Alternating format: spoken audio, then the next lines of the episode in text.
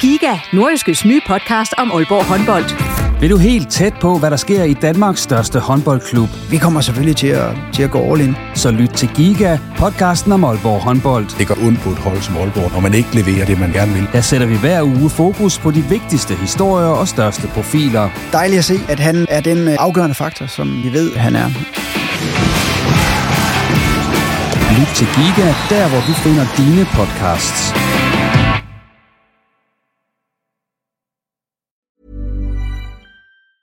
In the market for investment-worthy bags, watches, and fine jewelry, Rebag is the answer. Rebag is a luxury resale platform where each piece is carefully inspected by experts to ensure quality and authenticity. Use Rebag to buy and sell finds from the world's top brands, including Louis Vuitton, Chanel, and Cartier. Head to Rebag.com and get up to 15% off your first purchase as a member with code REBAGNEW. Shop today at Rebag.com. That's R-E-B-A-G.com. And use promo code REBAGNEW for up to 15% off your first purchase as a member. Hiring for your small business? If you're not looking for professionals on LinkedIn, you're looking in the wrong place. That's like looking for your car keys in a fish tank. LinkedIn helps you hire professionals you can't find anywhere else, even those who aren't actively searching for a new job but might be open to the perfect role. In a given month, over 70% of LinkedIn users don't even visit other leading job sites. So start looking in the right place. With LinkedIn, you can hire professionals like a professional. Post your free job on linkedin.com slash people today. Du lytter til en podcast fra Nordjyske Medier. Der bliver kæmpet hårdt om top 6 og mod nedrykning i Superligaen for de to nordiske klubber, men det skal det ikke handle om denne gang i reposten. Her skal vi i stedet se på, hvordan man forsøger at skabe de spillere, som forhåbentlig om få år skal vise deres værd i landets bedste fodboldrække. Det handler nemlig om nordjysk talentudvikling i den næste times tid, og mit navn det er Jens Otto Velkommen. Og til at gøre mig selskab i studiet, denne gang har jeg fået besøg af Anders Damgaard, der er talentchef hos AB, og så Lars Justesen, der er talentchef hos Hobro. Og øh, velkommen til jer. Ja, tak. Jo, tak. Og øh, selvom det ikke er sådan en helt almindelig udgave af reposten, som vi optager i dag, så gør vi lidt, som vi plejer. Vi tager lige sådan en runde her ved bordet. Og Anders, øh, nu møder jeg dig indimellem ude på Aalborg Freja, og øh, sådan andre steder, over på skolen og ja. så videre.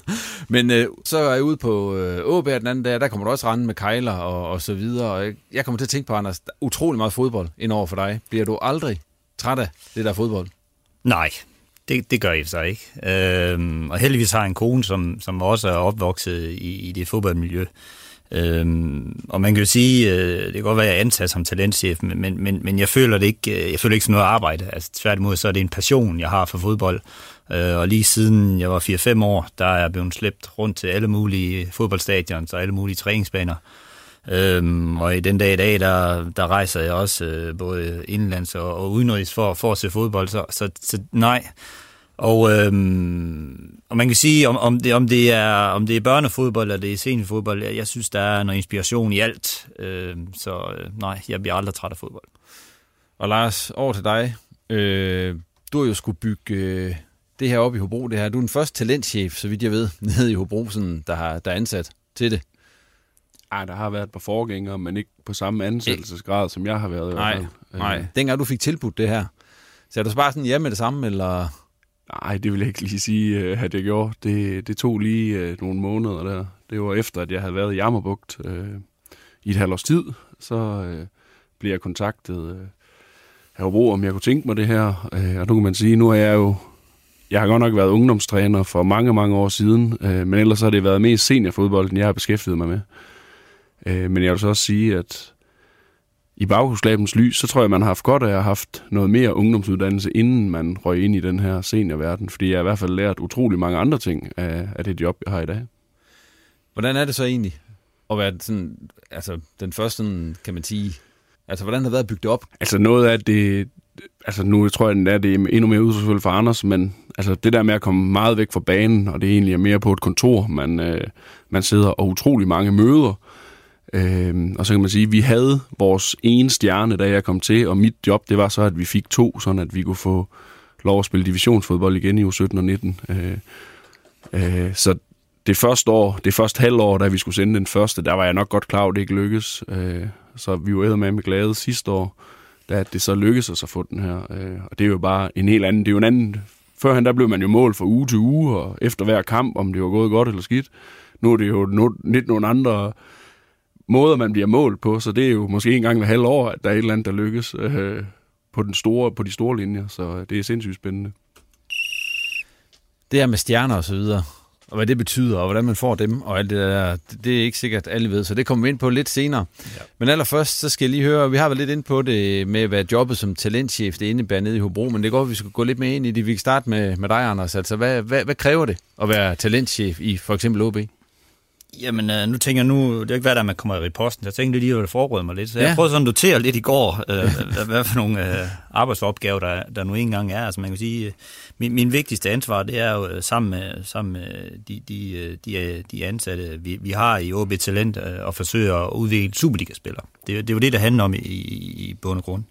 Og der kan man sige, at jeg har ansvaret for, for det, vi kalder førsteholdene fra U13 til U19 øhm, som, som ligger i øh, AS-regi, den professionelle del. Øhm, og der, der er det selvfølgelig mit ansvar at sørge for at få, få ansat de rigtige folk, rekrutteret de rigtige folk til, til de pågældende hold, og, og sørge for, for, at holdene fungerer med hensyn til øh, jamen, holdet, hvornår er den fysiske træner til rådighed, hvornår er der målmandstræner. Alt det, alt det praktiske er man også med ind over, således at, at det fungerer. Øhm, og så kan man sige, øh, længere ned i systemet, når, når det så siger fra U10 til U12, der har der, der har jeg så også et ansvar, og der har vi så lavet det her fornemme samarbejde med, med Hobro og Jøring ved, ved FNF, Fælles Nordisk Fodboldsamarbejde, øh, hvor vi, vi har 117 partnerklubber, øh, som, som, som vi bruger rigtig, rigtig meget tid på, fordi vi synes, det er ekstremt vigtigt øh, for os. Øh, og øh, der har vi jo der har vi jo i forbindelse med DBU øh, introduceret det her projekt, der hedder Topcentre, Øhm, der har vi lavet øh, tre topcenter sammen med, med Hobro og Jøring. Øhm, men det er også vigtigt for os, øh, og det var noget af det, som vi lyttede til fra, fra vores partnerklubber, da vi gik ind i det her projekt med topcenter, at, at, at de såkaldte gamle talentskoler, som vi havde, dem må vi ikke lukke ned. Øhm, og, og det har vi selvfølgelig øh, lyttet til. Så, så der har vi lavet otte talent- og teknikskoler. Øhm, så alt i alt, der har vi godt og vel... Øh, Ja, jeg tjekkede lige op på det i går. Fem, over 500 børn i overgangen fra U10 til U12, som spiller fodbold. Øh, topcenter det hver fredag, øh, talentcenter det hver tredje fredag. Så, så, så det går der også lidt tid med. Øh, så alt i alt, der har vi cirka 60 ansatte i OB Talent, og det er selvfølgelig klart, at det er jo ikke alle sammen, der, der, der er fuldtids. Øh, vi har godt og vel øh, 6-7 fuldtids, og så har vi ja, 7-8 halvtids, og det er selvfølgelig klart, at, at dem, dem forsøger jeg at være så tæt på som, som overhovedet muligt i løbet af hverdagen, øh, og forsøger selvfølgelig også at udvikle dem, holde nogle mus-samtaler med dem. Øh, så det går der også lidt tid med. Så har jeg ansvaret for licensen, det har vi kæmpet med, og det tror jeg også Lars har her de sidste tre måneder, og det var dejligt lørdag aften 2002 at kunne indlevere den, øh, og 2003 åbne øl, fordi det har virkelig behov for. det, er, det, er, det er noget af et arbejde, der, der ligger i sådan en licens. Øhm, så har jeg kontakten generelt til DBU øh, vedrørende diverse møder, evaluering af licensen, øh, hvad der nu engang kan, kan være op, øh, når vi snakker talentudvikling. Så har jeg ansvaret for det, vi kalder DBU-kontrakter. Når drengene bliver 15 år, må vi jo tegne en DBU-kontrakt. Øhm, og øh, det kan selvfølgelig godt være, at det er mig, der sætter underskriften øh, i det øjeblik repræsenterer OB, men, men det er ikke mig, der tager beslutningen alene, og, og sådan arbejder vi meget i OB. Der, der er det meget vi, så, så vi er rigtig, rigtig mange, der er inde omkring den her beslutning, øh, om, om hvem der skal tegnes kontrakter med. Og vi sidder jo også og, og kigger på, på skyggehold, hvordan ser det ud i fremtiden, hvad, hvordan ser situationen ud på Superligaen, for eksempel på en bakposition, hvis det nu er det. Så, så, så vi er rigtig, rigtig mange, der træffer den her beslutning, om der skal tegnes en kontrakt eller ej. Så er det selvfølgelig klart, så jeg har jeg ansvar for, for den røde tråd i vores øh, spillestil og den måde, vi, vi træner på, og der har jeg heldigvis nogle rigtig, rigtig dygtige medarbejdere til at hjælpe mig i det her, ellers så, så kunne jeg slet ikke overleve i det. Øh, nogle mellemledere, øh, der hjælper mig omkring det. Så står jeg for ansvaret vedrørende øh, uddannelsesinstitutionerne, helt fra, fra vores samarbejde med, med Sønderbroskolen i folkeskolen, via ungdomsuddannelserne og på universitetet. Vi har også samarbejdet med Åbebro Efterskole, så, så det har også ansvar for. Så har vi et college, som... Øh, som vi har sammen med Elitesport Aalborg herude på Hasundvej, hvor øh, vi pt. har 10 drengene boende. Øh, det er også en del af arbejdsopgaverne. Så er der bruger jeg så vidt muligt mit netværk til at komme ud til, sørge for, at øh, holdene kommer ud til nogle ture, nogle matchningsstævner. Det er også utrolig vigtigt for talentudviklingen, at vi kommer ud og, og møder nogle andre spillere fra nogle andre lande. En italiener, der skaber sig og ligger nede på græsset, og, og, og, en, og måske en tysker, der kommer knaldhårdt ind i nogle nærkampe. Det er også ekstremt vigtigt for os at komme ud og blive matchet. Øhm, Jamen, så er jeg ude og holde foredrag for, omkring OB Talentudvikling. I sidste uge var jeg nede i Himmerland Golf Resort øh, og snakker med talentudviklere inden for, for, for golf. Det var rigtig, rigtig spændende at komme kom, kom til det. Jeg har været på Aalborg Portland og fortælle omkring, øh, hvordan vi øh, udvikler medarbejdere.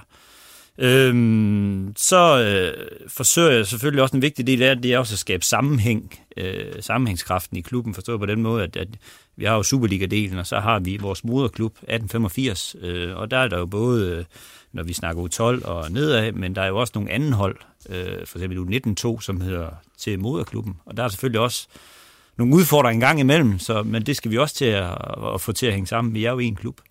Øhm, så ser jeg træninger, så godt som muligt, når jeg kan. Som Lars siger, det er jo desværre det værste ved det hele, det er, at man desværre kommer ind bag et skrivebord for meget. Så jeg forsøger nogle gange at skrive min kalender, nu skal du ud og se noget træning. Så ser jeg kampe hver weekend. Øh, hovedsageligt forsøger jeg at, at se øh, kampe på, på hjemmebane, øh, og jeg prioriterer høj, mest 15 til 17 til 19. Øh, jeg tager også nogle gange med på udebane, øh, for eksempel til København eller til, til Midtjylland. Øh, fordi det, det, det ved jeg, det bliver, det bliver gode kampe. Det bliver, det, der kan jeg virkelig se, hvem er det, der kan præstere, når vi kommer op på det høje niveau. Øh, så, så, så der plejer jeg også at tage med. Øhm, ja, så kommer der nogle klubber, som, som gerne vil besøge øh, OB, øh, og dem skal vi selvfølgelig også tage godt imod, ligesom at øh, vi nogle gange rejser ud og besøger nogle andre klubber. Så synes jeg også, det er vigtigt, at når der kommer nogen i vores hus, at de føler sig velkommen. Så det, det er vigtigt for os. Vi har et blandt andet samarbejde med en norsk klub, der vi gør, som vi også prøver at pleje og til gode se. Øhm, så har jeg, har jeg ansvar for budget, så har jeg ansvar for altså dobbeltpass, jeg ved ikke, om du har hørt om det, nu bliver det en lidt lang snak, ja. men dobbeltpass kom jo ind i, ind i dansk talentudvikling for nogle år siden med, med, med diverse anbefalinger og, og licensen, som du startede med, den, den, øh, den ligger rigtig, rigtig meget tæt op af nogle af de anbefalinger, der kom for dobbeltpass. Øhm, så, så det er jo også noget, man skal forholde sig til. Så er der al kontakten med forældre, øh, og det vil jeg godt indrømme, at øh, nu sidder Lars og giver thumbs up, altså det, det, det fylder mere og mere, især i det samfund, vi har i dag, hvor det er, det er, det er individualisering, der, der, der kommer til udtryk ofte, synes jeg. Øhm, og der forsøger vi virkelig at være bevidst om, at øh, selvfølgelig, det gælder for os, hvis vi vil lave en god talentudvikling for en enkelt spiller, så skal vi også have forældrene tæt på os. Det er ekstremt vigtigt, fordi de, de er en rigtig, rigtig stor medspiller.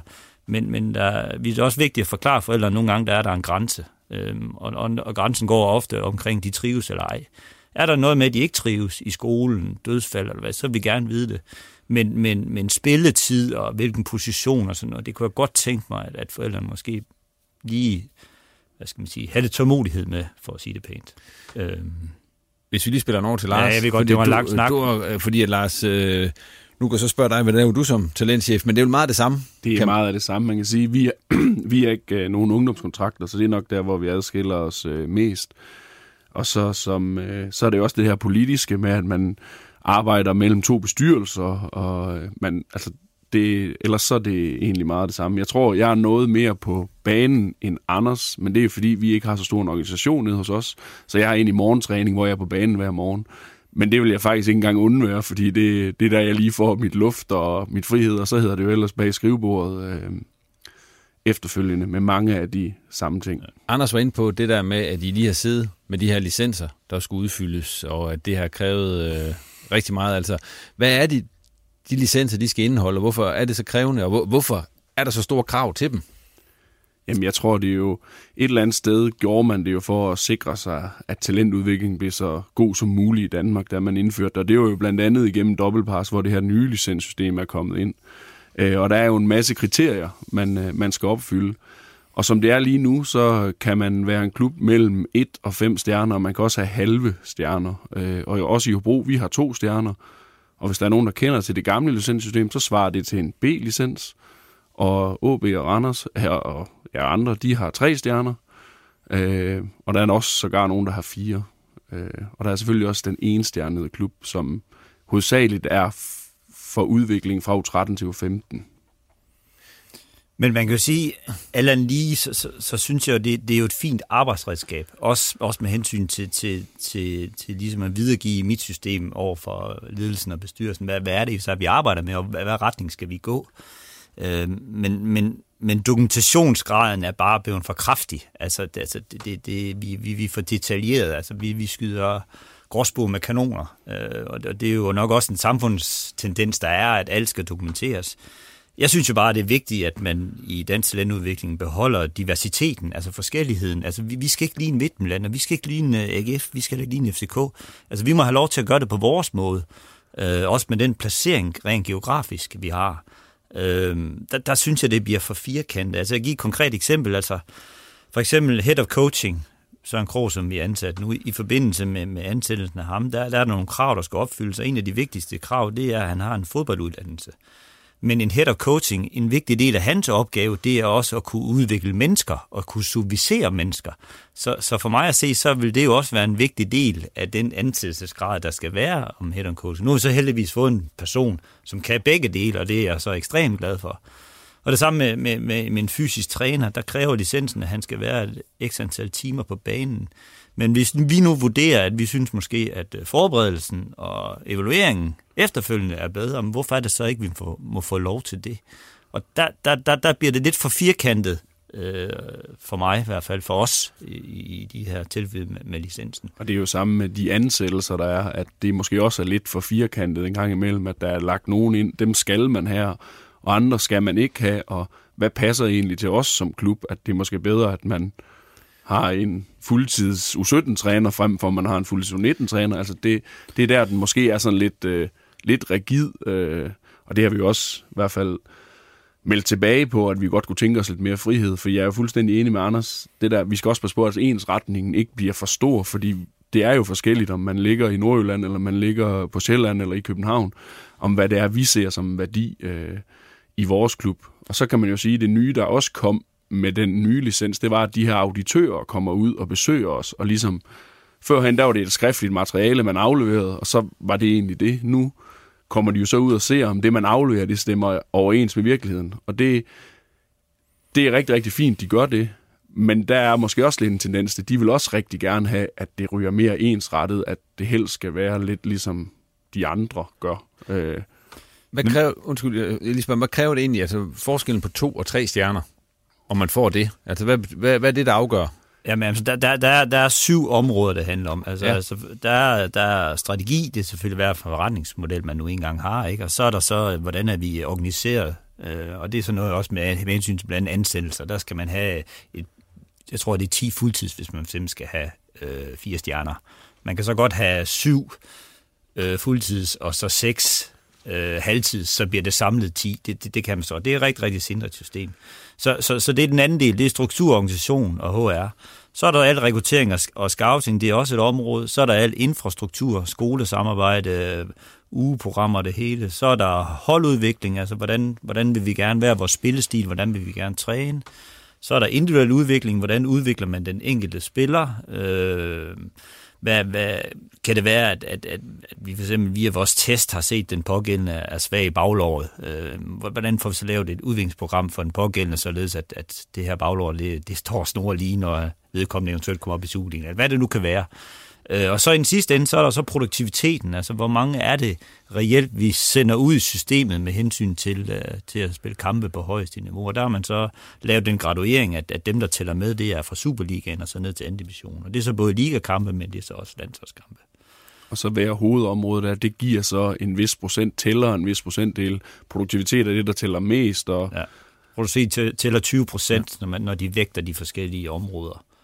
Så så hvis man, man, altså det er det, der er det vigtigste simpelthen, hvor mange der kommer igennem. Yeah. Så et eller andet sted kan man sige, at noget af det andet kunne man bare sige, men vi laver mange gode spillere. Det er jo det. det, er det. Og så er vi lidt tilbage til altså, altså vejen derhen til. Altså, hvis vi vælger at gøre en vej, og Midtjylland vælger en anden, så er det jo lige meget. Altså, ja. i bund og grund. Øh.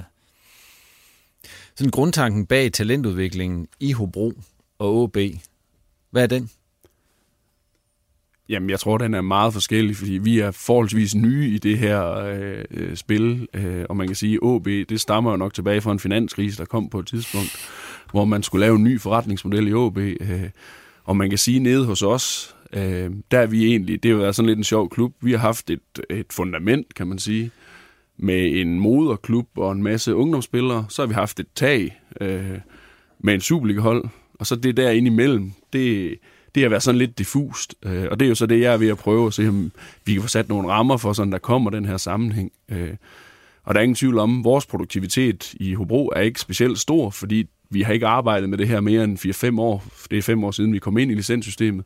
Så det tager også noget tid, inden de spillere så kommer ud og spiller noget øh, fodbold, og så tæller med i den her statistik. Øh, så man kan sige, jeg synes jo en eller anden, min største udfordring, det bliver faktisk det næste stykke tid, fordi det, jeg har skabt indtil nu med, at vi er kommet med i U17 og 19, det har gjort, at vi er blevet mere attraktive, men nu skal vi også til at have nogle spillere med i vores øh, førsteholdstrup, fordi ellers så, så på et eller andet tidspunkt, så kan man jo nok godt gennemskue, at der er jo ikke noget ved at tage til at bruge alligevel, fordi de får ikke nogen igennem. Og derfor tror jeg også, at OB er meget attraktiv, fordi alle kan jo se udefra, lidt ligesom Nordsjælland på Sjælland, at der kommer de altså nogle spillere igennem. Så det, det er et godt sted at være. Så det er noget af det, jeg skal arbejde hen imod. Man siger, der, der får jeg jo noget ærende. Når jeg sidder med de, de pågældende drenge, når de er her 14-15 år, så har jeg jo en god historie at fortælle. Øh, der vil jeg jo nødig være i øh, nogle af de andre talentchefs øh, sko, øh, fordi de har jo svært ved at vise nogle tal, at, at øh, med hensyn til, til spilletid af egenavl spillere. Og, og det, er jo, det er jo hele vores filosofi det er jo, at, at vi vil udvikle øh, spillere til, til Superligaen. Ikke? Altså, vi har den målsætning, at øh, halvdelen af Superliga-truppen skal være egen avl, og når, vi, når, når vi snakker egen avl, så, så er det så definerer vi, det, det er UEFA, der har lagt den definition, at man skal minimum være tre år i klubben fra en alder til 15 til 21. Ikke? Øhm, og der ligger vi pt. på, på en procent, der hedder 58.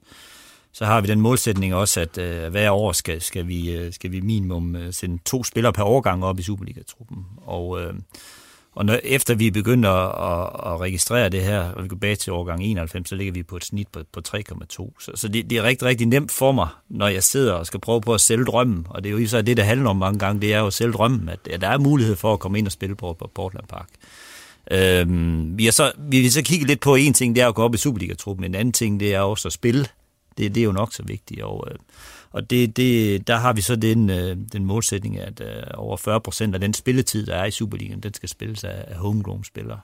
Øhm, og der, der har vi jo ligget rigtig, rigtig højt. Øh, sidste efterår lå vi jo nummer tre i hele Europa. Øh, vi går nok røget lidt ned af ranglisten, ligger pt. nummer 6. Men, men med en spilletid på, på 53,7 procent af egenudviklede spillere. Øh, så det, det, det, det på godt nordjysk, så er det, så er det ok, øh, når, når jeg kigger på det. Så, så, så, så det vil vi blive ved med, øh, og der tror jeg alle lige, at, at de tilskuere, som kom på Aalborg Portland Park, identificerer sig også bedre med nogle nordjyske drenge, øh, frem for måske nogle spillere fra, fra udlandet, som, som nogle andre klubber at gøre. Men, men fred være med det. Den vej har de valgt at gå, vi har bare valgt at gå en anden vej. Jeg skal lige høre, Lars, har I også sådan et tal, et hemmeligt tal nede i skuffen, der siger, at om fire år, der altså, skal vi, vi have en procentdel? Mål, ja. Ja. Vi har lavet en målsætning, at i 2025, så skal 25 procent af at være homegrown spillere. I, og det vil sige, vi er jo nogle år efter, så det, det kommer jo til at tage lidt tid. Og så lige nu, den kortsigtede, det er, at vi skal have en med øh, i truppen hvert år indtil da, så skulle det jo gerne komme til at passe på et tidspunkt. Så vi har jo svært, for os der er det jo svært med spilletid stadigvæk. Øh, lige nu, den produktivitet, vi får, det er egentlig nogle spillere, vi har udviklet før de to stjerner, som så spiller i Vejgaard, eller i Jammerbugt, eller i VSK, eller Ja, der er, vi har så også nogle af vores egne, som har været i Randers eller AB, som spiller på vores første hold nu, som er kommet hjem, og de tæller stadigvæk med, fordi de har været hos os fra U12 til U15, inden de skiftede. Men er det ikke svært at skal konkurrere med OB i det spil her? Nu ved jeg godt, at I arbejder sammen på, med FNF-systemet og så videre, men sådan, når de så kommer op og bliver større, Haps OB så ikke bare tit de bedste for det jo. der FNF, og vil ikke gøre det fremadrettet også? Jo, men det kan også godt stadigvæk være, at det er det rigtige for den enkelte spiller, at man skal til OB øh, og have sin uddannelse, og så kan vi jo så stå klar, når at, øh, de så kommer tilbage igen, øh, hvis nu de ikke slår igennem. Øh, men jeg tænker bare stadigvæk i forhold til FNF, at det, for mig at se, så er det en stor fordel for nordjysk talentudvikling, at OB, de har vel cirka 18-20 spillere i sådan en trup, og hvis Jøring og Hobro, de har det samme, så i stedet for, som det var førhen, at der måske kun var de 20, der fik en god uddannelse, så kan det godt være, at vores ikke endnu er lige så god som OB's, men altså så vi faktisk har 60 spillere, som får en, en god uddannelse igennem. Så kan godt være, at vores er på lidt lavere niveau, men øh, det skulle jo gerne sikre at vi får endnu flere nordjyske talenter på sigt. Men det er også vigtigt at forstå, altså det her, det her samarbejde, som vi indgår, som synes jeg er helt exceptionelt, at, at vi konkurrenter til daglig, og da vi lavede det i sin tid, der var det jo så tre Superliga-klubber. Øh, øh, og, men vi er også kolleger, og, og det er jo det, som vi bliver enige om. Altså, skal, skal vi løfte børnefodbold i Nordjylland, så bliver vi nødt til at samarbejde frem for at bekrige hinanden. Øh, og det, det synes jeg, vi har et ansvar for, om man kommer fra Bro eller fra Jørgen, eller hvor man nu kommer fra, og få løftet børnefodbolden. Altså, vi ser jo desværre, at der er jo nogle af vores partnerklubber, hvor der, der er faldende medlemstal. Og, og det er selvfølgelig klart, det bliver vi jo nødt til at, at tage hånd om og, og prøve på at, på at understøtte og, og forsøge at gøre et eller andet øh, i det tilfælde her. Der er, også, der er selvfølgelig også klart, at der er nogle fine miljøer der, derude, som, som løber stærkt og gør et rigtig, rigtig fint stykke arbejde, men, men, men det, der, det der bekymrende, at nogle af vores øh, partnerklubber har, har faldende medlemstal. Øh, og det er jo blandt derfor, at vi, vi lavede FNF også for at prøve at stimulere nogle af de miljøer, altså prøve at fastholde nogle af spillerne, især når vi snakker børnefodbolden. Øh, vi, vi for eksempel, vi har lavet, øh, vi har lavet manualer til trænerne, vi har, vi har lavet øh, træneruddannelser internt, øh, som, som partnerklubben kunne tilmelde sig. Altså, vi har lavet en masse tilbud, som, som ligger på vores fælles hjemmeside. Simpelthen fordi gerne vi i fællesskab vil løfte børnefodbolden i Nordland. Og, og vi havde partnerklubmøde i går aftes, øh, og der er jo faktisk også en udbredt tilfredshed med vores øh, samarbejde, vi har lavet, og jeg tror, jamen hvad var det, 15 procent, som måske ikke synes, de får så meget ud af det, men resten af de her partnerklubber, de er rigtig godt tilfredse med det, vi laver, og det er jo også fordi, at vi forsøger at løfte dem, og det er jo også en eller anden ja, fastholdelse ude i, øh, i børnemiljøerne, som er jo en kæmpe faktor lige nu for talentudvikling. Det er, at børnetallet er faldende. Der er endnu flere muligheder at vælge mellem alverdens sportsgrene, og det samfund, som vi går hen imod med, det er meget mere individuelt. Øh, så, øh, så er vi udfordret. Så derfor var vi også nødsaget til at løfte den her opgave i flok, og ja, som, altså, vi kan, selvom vi er konkurrenter, så er vi jo alligevel samarbejdspartnere. Det synes jeg, det er noget af det unikke ved talentudvikling kontra seniorverden, at når vi mødes på kryds og tværs øh, til nogle samlinger, jamen, så der er jo ikke noget, der er hemmeligt. Altså folk, de deler altså ud af, af deres opskrift, og så kan man jo så tage det med, man har lyst til fra dem af. Og der, der synes jeg, det, det er fedt, og og man kan sige, at hvis jeg har haft en spiller, som har været hos mig fra 13. til 15, og han slår igennem i OB, jamen så jubler jeg jo stort set lige så meget, øh, at han gør det, end at det var i Hobro, han gjorde det. Og sådan tror jeg, der er rigtig mange i talent. Det handler bare om, at vi skal have nogle succeser. Og, og, og det går også den anden vej. Nu havde vi, vi en spiller, Hamza Hussein, som, som, som vi kunne se i vores øh, miljø ikke, ikke ville nå det. Altså, vi blev bare enige om, at, at, at øh, vejen var for langt fra ham, og der var andre på den position. Øhm, og, og han fik jo har fået debut på, på Hobros øh, første hold. Det synes jeg, det er en rigtig, rigtig god historie. Øh, fordi altså, vi bliver også nødt til at være, en af vores værdier, det er troværdighed. Vi bliver også nødt til at være ærlige over for de unge mennesker og forældrene og sige, okay, det, det lykkes ikke i AB, men det kan godt være, at det lykkes for dig et andet sted. Altså, det er jo ikke særlig god udvikling for ham, så hvis han har siddet på bænken ude ved os og fået splinter i røven i to-tre år, det var han ikke blevet bedre af, så er det jo bedre, at han kommer til Hobro og spille. Øhm, og det kan man sige, da vi lavede FNF i sin tid, der var der jo også nogle af, nogle af de kritiske spørgsmål fra partnerklubberne. Det var jo, øh, jamen hvad så, øh, hvad, når der skal vælges, hvad vælger de, de pågældende børn? Så, så sagde man, det må være licensen, der er redskabet til, hvilken klub man nu vælger. Altså det er det miljø, som, som vi har, det er det miljø, Hobro har, det er miljø, som Hobro har, eller som Jøring har, undskyld.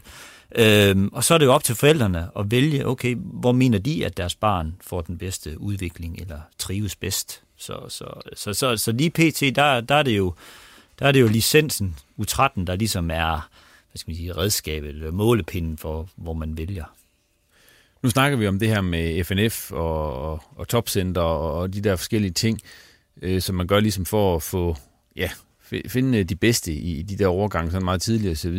Men det kan jo godt være lidt et tvækket svært nogle gange, fordi der, for så kommer der utrolig meget fokus mm. blandt de her børn og unge mennesker også, ja. når de kommer op i U13, U14, U15, på at hvis man ikke længere kan være der, så er fodbold ikke længere et attraktivt fritidstilbud for dig. Nej, det er det. Ja. Men, men altså, altså, jeg har sådan lidt, øh, og, og nu for en, for en måned siden, der, der var der en spillerkonference i Kolding, hvor vi var samlet af så set alle talentudviklingsklubber.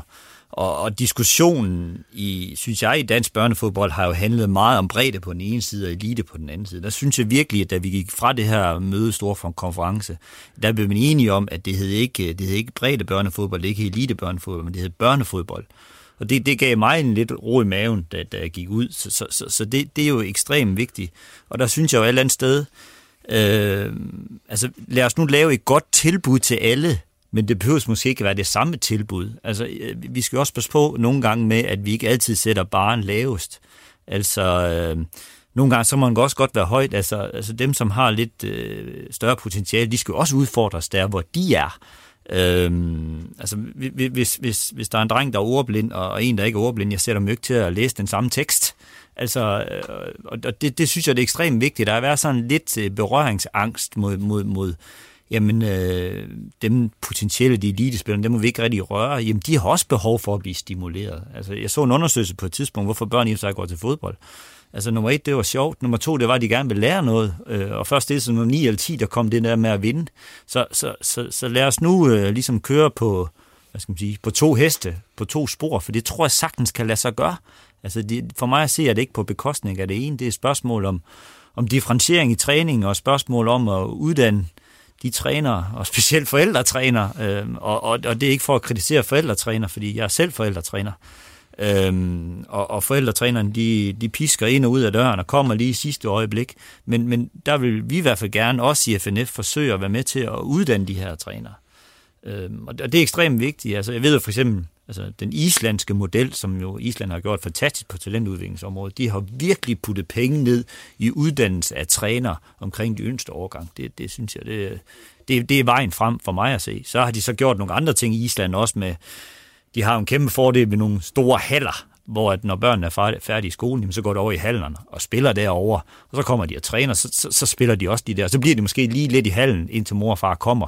Så, så den der, hvad skal man sige, fodboldtimerne bliver rigtig, rigtig mange, øh, og det tror jeg måske, at, at vi har jo været med til, og det er vi selvfølgelig også en del af, at, at putte mere og mere, flere og flere træningstimer øh, ind, i, ind, i, ind i børnefodbolden, og det er måske gået lidt ud over, hvad skal man sige, fodboldtimerne, altså lejen på gaderne, den, den ustrukturerede fodbold, øh, og den, den er i hvert fald ekstremt vigtig at få tænkt ind også øh, i det hele. Ja, nu bliver det en lang snak, øh, Jens Otto, det må du undskylde. Det gør ikke noget. Nej. Hvad hedder det? Øh, vi var lidt inde på det der med, hvordan man får, altså med, at man godt kan vælge fodbolden fra, Hiring for your small business? If you're not looking for professionals on LinkedIn, you're looking in the wrong place. That's like looking for your car keys in a fish tank. LinkedIn helps you hire professionals you can't find anywhere else, even those who aren't actively searching for a new job but might be open to the perfect role. In a given month, over 70% of LinkedIn users don't even visit other leading job sites. So start looking in the right place. With LinkedIn, you can hire professionals like a professional. Post your free job on linkedin.com slash people today.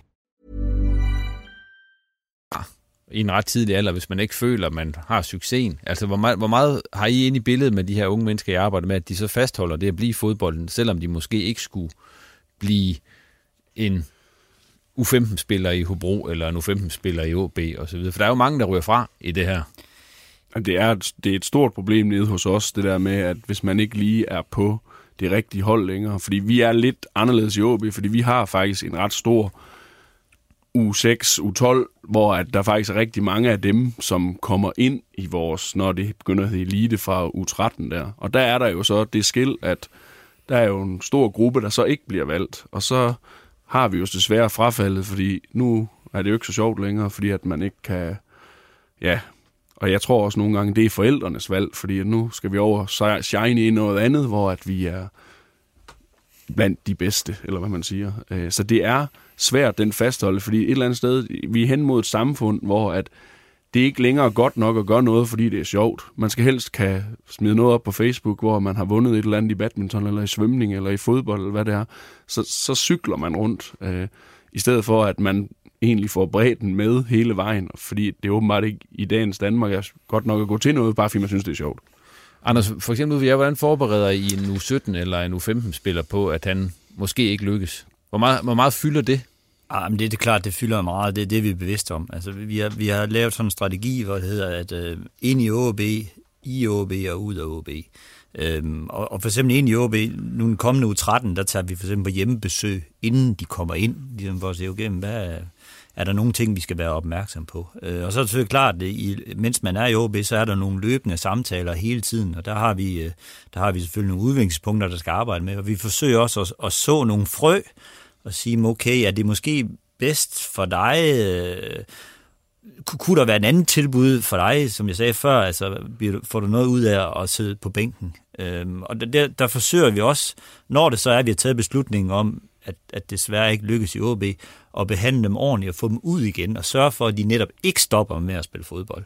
Og det er selvfølgelig klart, der, der har vi et kæmpe ansvar.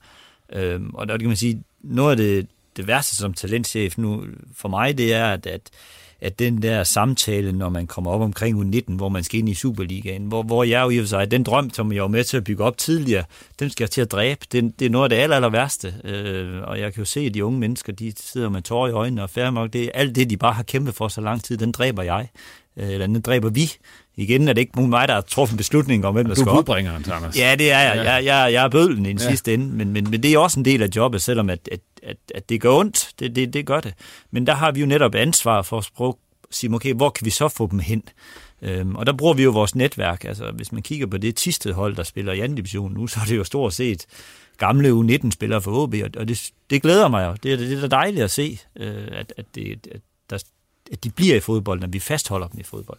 Du lytter til en podcast fra Nordjyske Medier. Vil du høre mere af det lyd, vi laver, så gå ind på nordjyske.dk og tryk på lyt. Vi tager lige en kort pause fra talentsnakken, og så, selvom det er sådan en særudgave af posten, så har vi også nogle af vores øh, normale elementer med, og det er blandt andet anekdoterne. Og øh, der har jeg så spurgt jer, for I har jo begge to selv spillet fodbold også i mange år. Og jeg har spurgt, hvem er det største talent, I selv har spillet sammen med, og hvem det er det største talent, I har spillet imod. Og Lars, han kan få lov til at starte. Yes.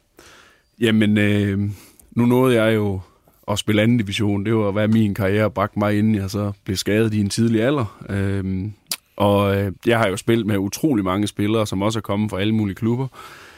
Men hvis det er en jeg selv, det er faktisk en, der aldrig rigtig har slået igennem. Øh, en, der hedder Thomas Vetter, som var på alle landshold i ungdom og spillede i Silkeborg og alle mulige andre steder dengang. De var gode i ungdomsudvikling, og han kunne alt med en bold.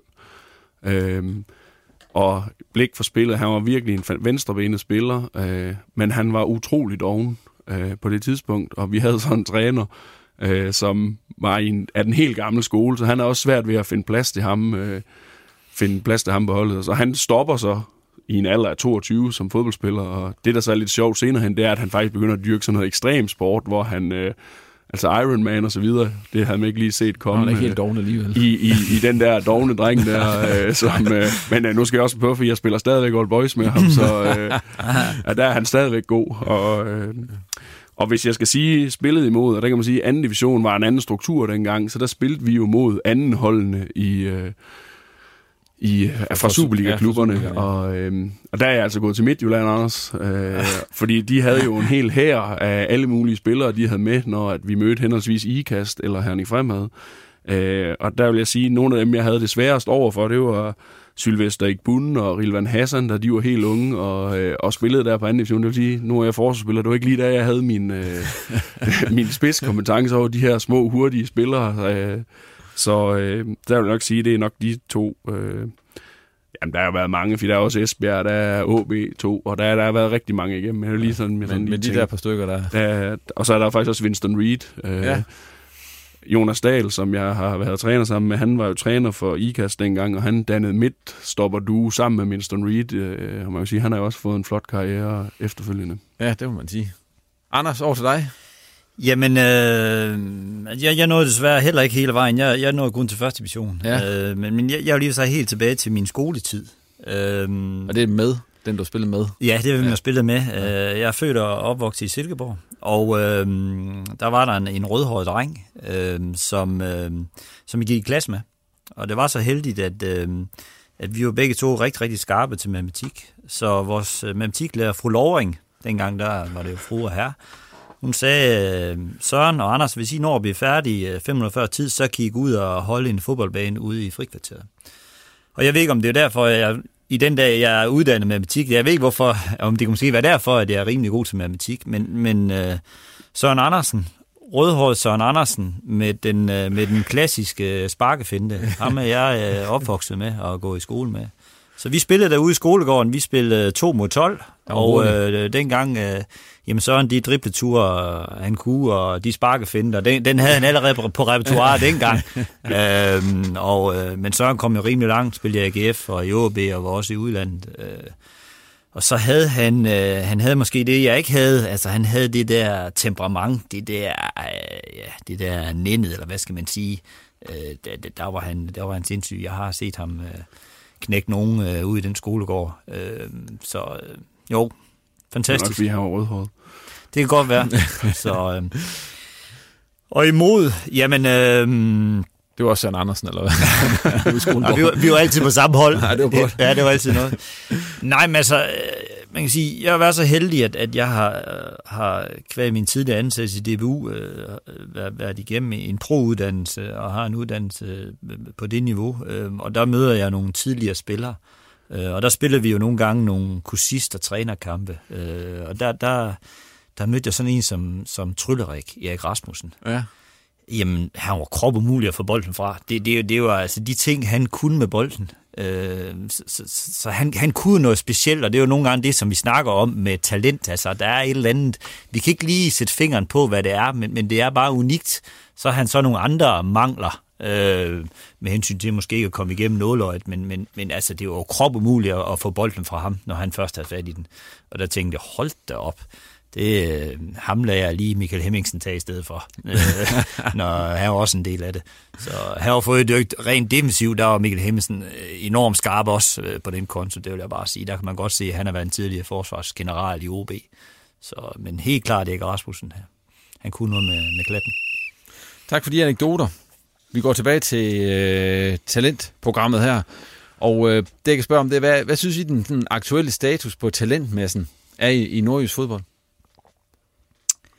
Det er et svært jeg, spørgsmål. Ja, måske. Det, ja, det, det er svært, men jeg synes jo, at på alle årgange, øh, hvis vi går helt ned, så, så synes jeg jo, at der er nogen, der springer i øjnene, øh, som Anders lige sagde det der med. Det er så svært at sætte en præcis finger på, hvad det er, der gør. Øh, det er bare dem der, hvor bolden, det er bare sådan helt naturligt, det er fuldstændig ubesværet. Øh, de kan se nogle ting, som andre ikke kan se. Øh, dem synes jeg, vi har på alle årgange. Øh, og man kan sige, hvis man kigger AB øh, og deres Superliga, der har de jo også nu set kæmpe salg af Kaufmann. Og, altså, så de findes jo. Altså, så, så hvis man ser lige her nu i Krystalkuglen, så tror jeg egentlig, det ser meget fornuftigt ud. Men jeg tror mere, at vi tænker 10 år frem med, om vi nu kan fastholde alle de fodboldspillere, sådan at vi bliver ved med at have den her masse, øh, hvor at, altså lige nu topcenter, det er jo 2% af en årgang, øh, som man definerer som, som dem, der skal ind. Øh, og det, og det er helt vildt svært med U10 at se, hvem det lige præcis skal være. Øh, det er virkelig svært.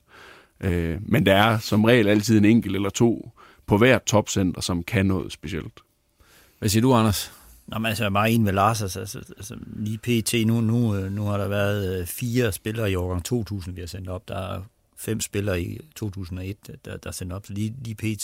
Ser, ser det rigtig, rigtig fint ud. Men, men jeg er også bekymret, som jeg fortalte om tidligere, altså med, med fødekæden, når vi snakker, når vi snakker børnefodbold. Når, når der har vi i hvert fald et, et kæmpe skridt, som, som vi i fællesskab skal have løftet. Men jeg vil også godt sige, at jeg synes jo også, at øh, uh, DBU på en eller anden måde uh, må stemple ind i den her kamp og, og, og prøve på at, og understøtte uh, noget af det, som, som foregår rundt omkring i klubberne. Jeg synes også, at de så er gået i gang med, hvordan spillerkonferencen og og nu begynder de at sende nogle træningsøvelser ud, har jeg også fundet ud af. Altså, de, de begynder sådan at sige, okay, de er selvfølgelig også en, en del af ansvaret. Fordi der er jo ingen tvivl om, at, at der bliver investeret rigtig, rigtig mange penge i talentudvikling, både nationalt, men også internationalt, og det går rigtig, rigtig stærkt.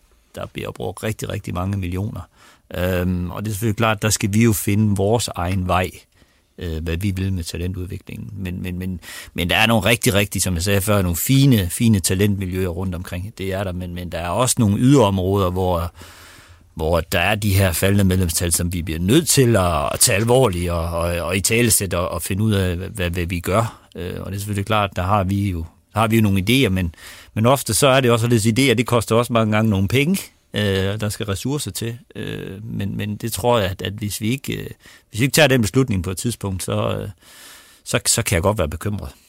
Hvad er det for en type talenter, som øh, vi uddanner heroppe i, i Nordjylland i øjeblikket? I får nogle gange skudt i skoene, Anders, at, at de, de ligner hinanden alt for meget.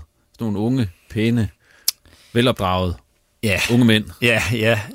Jamen, jamen øh, ja, og der er også nogle gange, når jeg er nede og ser noget træning, så er der ikke rigtig nogen spillere, der brokker sig over, hvis bolden lige er ude, eller der bliver dømt forkert. Og, og det, det, det tror jeg, der er et eller andet sted, der, der er vi nok sådan lidt nordjyske, sådan lidt tilbageholdende, og, og det, det vi snakker vi også meget om internt, altså for eksempel at, at prøve at bringe nogle andre typer ind i vores, vores talentmiljø. Altså, vi, vi bliver aldrig, vi, jeg, jeg tror ikke, vi, vi skal have et afrikansk akademi, men, men, men kunne bringe en, en, en, en afrikaner ind på, på U17-niveau, øh, så, så vores nordiske drenge kunne se, at der er altså en, der kommer med nogle andre, en anden baggrund og en anden kultur, og nogle andre levevilkår, eller eller, eller en tysker ind med, med, med, med noget power øh, i vores, i vores træningsmiljø, det, det, det tror jeg godt, at, at vi kan begynde at så småt kigge på, fordi vi vil gerne have, at vores selve træningsmiljøer de er på så højt, højt niveau som overhovedet muligt, for at, stimulere, for at udfordre de drenge, som, som, som vi har til Men hvad tænker du, når du hører den kritik der, for eksempel, der kommer, om at,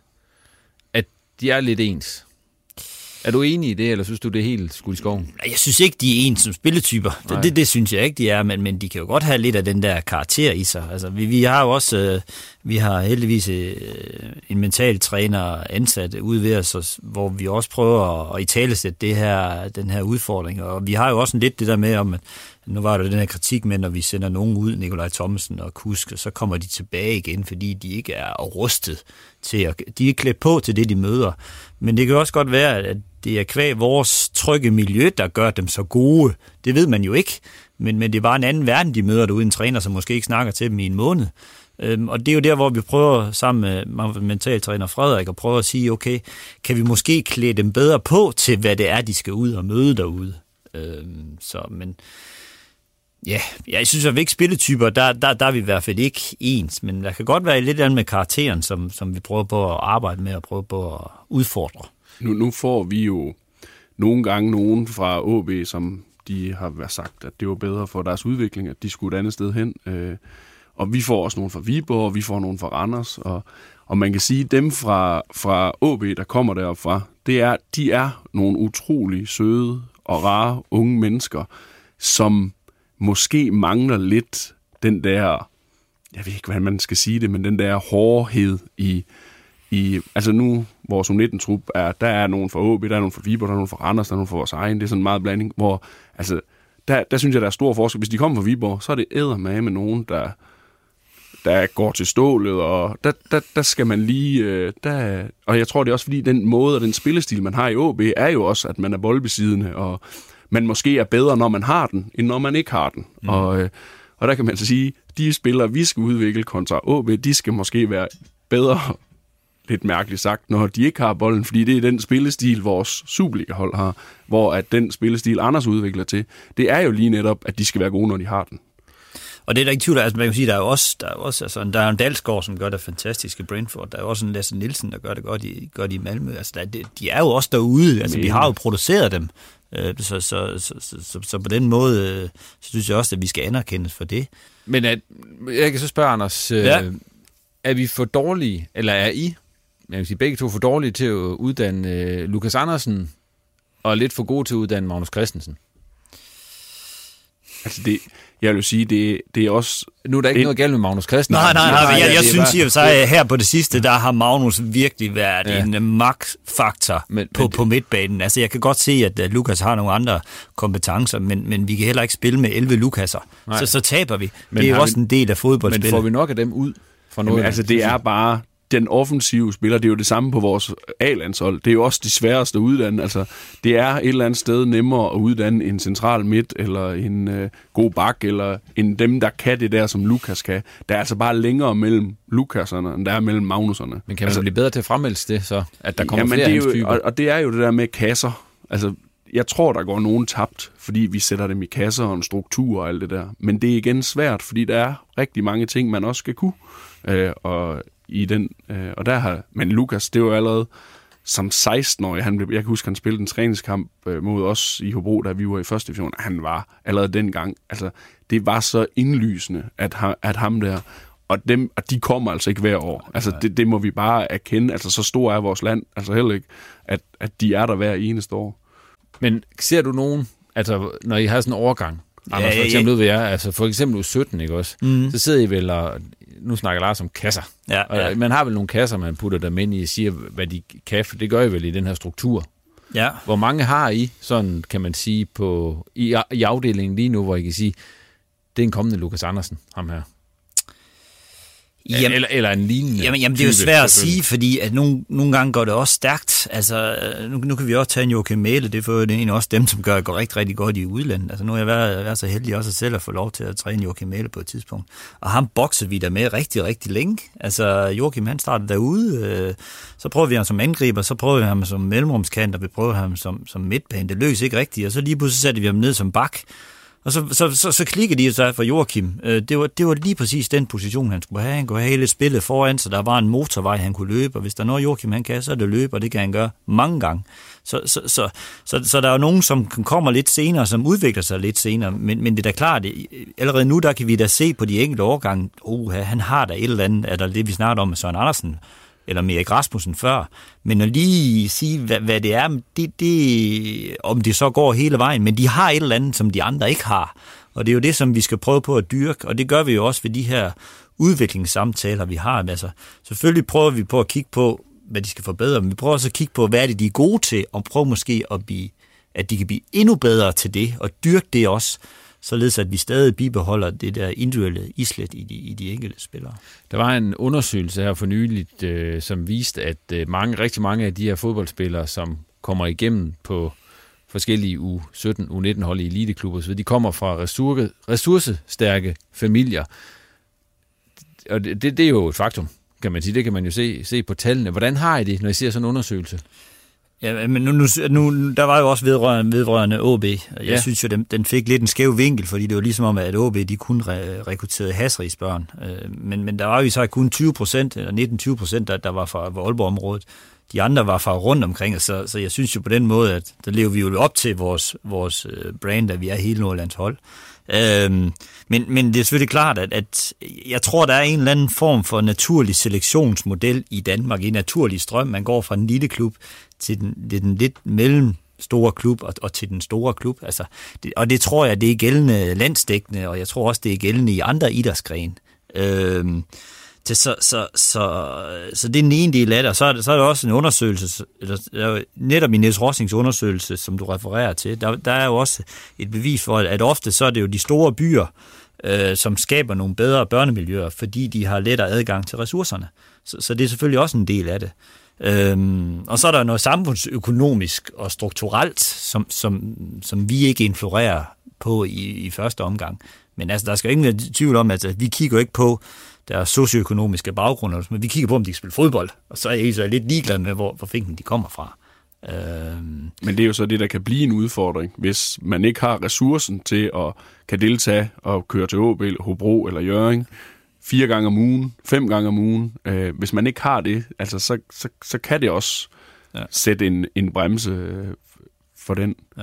Og det, det er selvfølgelig bekymrende. Altså så, hvis det er, øh, at der er et rigtig, rigtig dygtigt talent i, i Frederikshavn, hvor, hvor, hvor, hvor faren er direktør, jamen så er der ingen problemer med hensyn til at komme ind til OB, men, men, men, men, øh, men hvis det er den enlige mor, der er på kontanthjælp, så er man jo klart, så er man jo udfordret. Og, og det, så er vi lidt tilbage til udviklingen af børnefodbold og udviklingen af de gode børnemiljøer. Altså for mig at se, så nu går der jo rygter om på vandrørene, at vi muligvis skal til at rekruttere ind til U10, hvilket jeg synes jeg er da helt vanvittigt. Altså for mig at se, så, så skal de være så lang tid som overhovedet muligt ude i det miljø, de kommer fra, det sted, hvor de er sammen med deres kammerater. Men derude, der skal vi forsøge at lave nogle gode træningsmiljøer. Og så skal de nogle gange ind i de lidt større klubber og stimuleres, men stadigvæk, når de ikke er ældre, så skal de bibeholdes ud i de små klubber. Øhm, og det, det er selvfølgelig en del af hele det, den plan, som vi har, øh, og som vi skal have udviklet øh, i Nordjylland. Øhm, og og det, det, det bliver i hvert fald et vigtigt skridt i, i det næste stykke tid. Men så må jeg også sige, så, så er der også nogle klubber, som bare gør et godt stykke arbejde, altså, og kæmpe ros til det. Øh, Aalborg KFM, Aalborg Freja, hvor du selv er træner. Altså, det er jo dejligt at se alle de børn, der løber rundt. Øh, Skibsby Højen op i Jørgen. Nu har vi rekrutteret en del spillere ind i 2007 for Skibsby Højen. Der bliver bare lavet noget fint arbejde derude, og kæmpe kado til de forældre, som, som bruger så mange timer derude. Og det, det synes jeg også, det er vigtigt at, at værdsætte.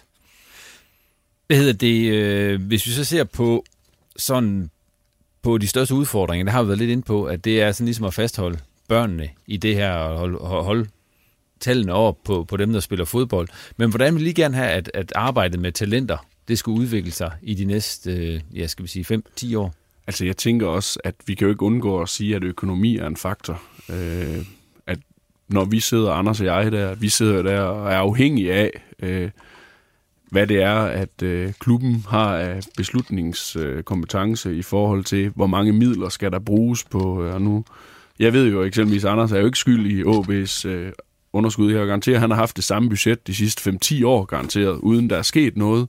Øh, og der bliver skruet lidt op. Ja, og så, ja, altså, så, så det handler om, at, at man skal jo også som klub vælge at sige, at jamen, det er det, vi gerne vil prioritere, fordi det er det, vi tror på, der er den, den bæredygtige måde på lang sigt. Fordi der er jo ikke mange Superliga-klubber, der har sorte tal på bundlinjen på den måde tingene. Øh.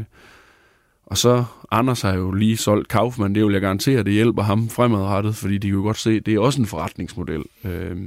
Så økonomi er bare en faktor, øh, som vi ikke kan undgå, fordi med alle de krav, der også er i forhold til licenser og ansættelser, så, så er det bare en kæmpe, kæmpe udfordring for os. Øh, og det er uanset om man er en firestjernet klub, eller man er en etstjernet klub, så, så er det bare en, øh, en udfordring, i hvert fald økonomi. Mm. Hvad siger du, Anders, til det? Altså sådan, hvis du prøver at kigge, tage, tage kigger den frem. Jamen, som jeg sagde før, altså, det, det, jeg synes, det er bekymrende, hvis vi skal til at rekruttere ind til U10. Det, det, ja. det synes jeg. Altså, øh, altså alle evidens øh, viser jo også, at, at, at øh, altså tidlig selektion, øh, det, det, det skaber skader. Nu hørte jeg lige, at der aldrig været så mange korsbåndsskader i dansk talentudvikling. Øh, og, og vi snakker udbrændthed. Altså alle de undersøgelser, jeg har set, eller lige, de, de, de, de, de fordrer i hvert fald ikke, at der skal ske tidlig selektion. Og det, der er udfordringen, det er jo også, at, at for mig at se, så, så bliver det jo en talentselektion frem for en talentidentifikation. Øhm, og man kan sige, til de kommende 13, der, der udtager vi 13-14 spillere. Men hvad nu med de 13-14, som vi så ikke har udtaget? De bliver jo ikke udsat for det stimuli, og det forhåbentlig gode træningsmiljø, som vi har. Men apropos, som vi snakkede om før, det kan være, at de kommer lidt senere, eller Joachim Mæle, eller en Kasper Kuss, som også døjede med at, at tilkæmpe sig en fast plads på, på U17 og 19, fordi at, øh, han ikke var særlig stor, men Paul Andresen var heldigvis så dygtig, at han godt kunne se det og holde ham inde i, inde i systemet. Så, så, så det, det synes jeg, det er en kæmpe udfordring. Men jeg kan også godt se, at der er nogle, der er nogle demografiske forskelle på, hvad der foregår på Sjælland og hvad der, hvad der foregår i Nordjylland. Øh, og der synes jeg, at, øh, at det er vigtigt, at politikerne, DBU, er, er med i hele den her debat omkring, øh, hvad, igen, at vi skal have lov til at være forskellige. Altså, det, det, det er ekstremt vigtigt for, for, for dansk uh, talentudvikling, uh, at vi bibeholder den uh, diversitet. Du har været lidt inde på det, Anders. Der er mange, der råber om, at, øh, eller mange, der sådan siger, hvorfor er OB så geografisk indsnævret i den måde, som de kigger på det på? Du er nok, at vi vil have spillere fra Nordjylland og så mm. videre. Kunne man se, kunne I overveje på et tidspunkt at, at bryde den filosofi, fordi I kan se, at den model måske ikke giver de resultater, som man gerne vil have? Jamen, altså, det kan jo ikke udelukke det kan jeg ikke udelukke, men, men, men jeg synes jo, at, at siden at, at vi lavede den her talentsatsning øh, tilbage i 2008 med, med Jakob Larsen, min forgænger, og så Lønge Jacobsen og, og Paul Andresen på sidelinjen, der, der har vi jo vist, at, at, at den her model den er rimelig holdbar. Øh, det er enten der med et mesterskab i, i 2014. Øh, jeg ved så godt, at der måske var nogle bagvedliggende grunde til, at man gjorde, som man gjorde, men det lykkedes trods alt med, med egne afledte spillere, så, så, så jeg synes jo, man har vist, at, at det godt kan, kan, kan være, være gangbar men, men jeg, jeg kan jo ikke spå om, om fremtiden på den konto, men, men, men jeg kan sige, med den grøde, som vi har i talentudviklingen, og, og hvis vi får stimuleret de børnemiljøer rundt omkring i hele Nordjylland, og vi får DBU med på, på, på vognen også, så, så, så kan jeg ikke se, hvorfor det ikke skulle kunne lykkes. Øh, altså, og det ser vi jo nogle gange, altså, altså vi skal nok nå det, øh, tag det nu roligt øh, med, med den talentudvikling, vi har. Vi behøver sikkert få mindst tidligere. Lad os hellere sige, okay, de er tre gode øh, år i Nibe, hvis der er et fantastisk miljø, og så kan de være syv år i, i vores system, frem for de er ti år i vores system. Øh, Allan lige, jeg tror på, at bredden er med til at skabe eliten. Jeg tror også, en anden trussel, vi har været lidt inde på den, det er jo det her med det samfund og idealiseringen at vi ser bare nogle forældre, som, hvor at det desværre ofte er deres ambition frem for børnenes ambitioner. Og det er også det, der gør noget af vores arbejde svært en gang imellem, fordi os, vi føler jo lidt selv, vi er lidt fodboldkyndige, når vi så skal forklare en, at du skal ikke spille angribe, du skal spille højre bak, eller du skal spille, altså, forældrene skal også have tillid til det, vi laver, at det er det rigtige for den enkelte. Øh, og vi ser jo desværre det her shoppen rundt. Altså, vi har jo nogle gange nogen, der ringer, og så har de spillet i fem klubber, inden de når 14-alderen. Altså, så ved vi jo godt, det er måske ikke lige der, vi skal åbne vores dør og så sige det her. Øh, fordi det er bare blevet sådan lidt... Det er jo, man ser jo det på Sjælland hele tiden, at de shopper rundt, øh, og vi vil jo, som Anders også siger, at jo, jo længere tid ude i græsrådsklubberne og moderklubberne, og så lad os tage dem ind, når de er klar til at skal tages ind. Men kunne I på et tidspunkt finde på at tage, lad os sige, spillere ind fra, fra Afrika eller, eller lignende? Jamen man kan sige, det, det vi har gjort lidt, men det er jo egentlig ikke, det er jo noget, der vi har været lidt heldige med sådan en som Sabi og, ja. og så videre. Altså, der er jo kommet nogle amerikanere ind, og det, og det kan man sige, hvad gør det? Jamen, det gør, som Anders siger, noget godt for, at de ser noget andet. Nogen, der skal kæmpe på en anden måde, for, og de har en helt anden tilgang. De har nogle helt vildt gode individuelle færdigheder, men rent holdmæssigt, taktisk, der, der falder de jo langt ved siden af. Øh, så det er, jo, det er jo også en del af vores strategi, øh, igen, at vi måske skal krydre det i U19 med en til to amerikanere, som vi bringer ind tidligere, end vi har gjort, så vi kan modne dem øh, på U19, og så de måske kan tage steppet, i stedet for at de skal bruge et år eller to, inden de slår igennem på førsteholdet. Ved I hvad? Vi er ved at nå til vejs ende med, med programmet her, men det ville jo ikke være en repost, uden vi lige fik affyret øh, nogle tårhylere. Hvem vil starte? Skal jeg starte, Anders? Jamen, det kan da godt. Jamen, øh, det er måske... Nu kan godt være, at man kommer i bad standing, men øh, det er lidt et øh, skud ud til DBU. Øh, de sidste øh, 10-15 år, der har de haft en pulje til talentudvikling på øh, 10 millioner. Og samtidig så de krav, vi som klub øh, skal efterleve, de bliver bare større og større, uden at der følger noget som helst med. Og man kan sige, nu så jeg deres egen kapital her den anden dag, at hvis DBU og de vil have, at vi skal levere landsholdsspillere til dem, så kom og forhøj det beløb, og så tage det fra de landsholdsspillere, i stedet for at de skal have 50 millioner her, når de skal til EM, jamen, så dele dem ud til de klubber, der gør arbejdet, også alle andre klubber end lige uh, talentudvikling, men de er nødt til at kigge på det beløb i forhold til de krav, vi har, uh, at, at vi kan ikke bare blive ved. Og videre dig, Anders? Jamen altså, det er jo helt fantastisk. Altså, det kan bare se, hvor godt vi samarbejder, for det var ja. jo så en af mine tårhylder også. Ja. Altså, vi, vi, vi, vi, kan simpelthen ikke blive ved med at skrue øh, i forhold til de uh, krav og forventninger, der, der, der kommer. Øhm, og der er det i hvert fald vigtigt, at, at, at, at man ligesom får, som, som Lars også siger, øh, tænker, okay, hvad, hvad, hvad, hvad er kraven i sig med hensyn til de ressourcer, som så kommer i den anden ende? Øh, og det, det, det, det vil give Lars fuldstændig ret i. Øh, men jeg har også en anden en. Jamen, så kommer den. Også. Ja, øh, Jamen, det, øh, det er det her agentfee. Nu, nu kan jeg ikke huske, hvad det var i 2019. Var det 3,5 milliarder, der gik til, til agentfee. Øh, altså, jeg anerkender selvfølgelig, at, øh, at øh, agenterne skal have en plads derude i, i hele samfundet med hensyn til, til, eller hvad skal man sige, i fodbold Danmark og, og, og det internationale, når, når der skal indgås kontrakter. Men jeg synes godt nok 3,5 milliarder, det er rigtig, rigtig mange penge. Og der kunne jeg godt tænke mig, at man på en eller anden måde kunne, kunne lave et regulativ, øh, også fra UEFA's side, og sige, altså, kunne de penge bruges, bruges til noget andet, apropos talentudvikling, børnefodbold, det, det licensklubberne, altså, herregud, 3,5 milliarder, det er jo sindssygt. Ja, med det lukker vi ned for denne talentudgave af Reposten. Tak til dig for at lytte med, og til gæsterne for at de kom. Og hvis du har lyst, så må du meget gerne give os en anmeldelse i iTunes, og abonnere os meget gerne på podcasten. Og så må du også gerne følge os på Twitter eller Facebook. Vi er klar igen om et par uger i en mere normal udgave, hvor vi selvfølgelig blandt andet skal gøre status på grundspillet i Superligaen. Tak for nu, og på genhør. Du har lyttet til en podcast fra Nordjyske Medier. Mom deserves the best, and there's no better place to shop for Mother's Day than Whole Foods Market. They're your destination for unbeatable savings, from premium gifts to show-stopping flowers and irresistible desserts. Start by saving 33% with Prime on all body care and candles. Then get a 15-stem bunch of tulips for just $9.99 each with Prime. Round out Mom's menu with festive rosé, irresistible berry chantilly cake, and more special treats. Come celebrate Mother's Day at Whole Foods Market. Market. Mom deserves the best, and there's no better place to shop for Mother's Day than Whole Foods Market. They're your destination for unbeatable savings, from premium gifts to show-stopping flowers and irresistible desserts. Start by saving 33% with Prime on all body care and candles. Then get a 15-stem bunch of tulips for just $9.99 each with Prime. Round out Mom's menu with festive rosé, irresistible berry chantilly cake, and more special treats. Come celebrate Mother's Day at Whole Foods Market.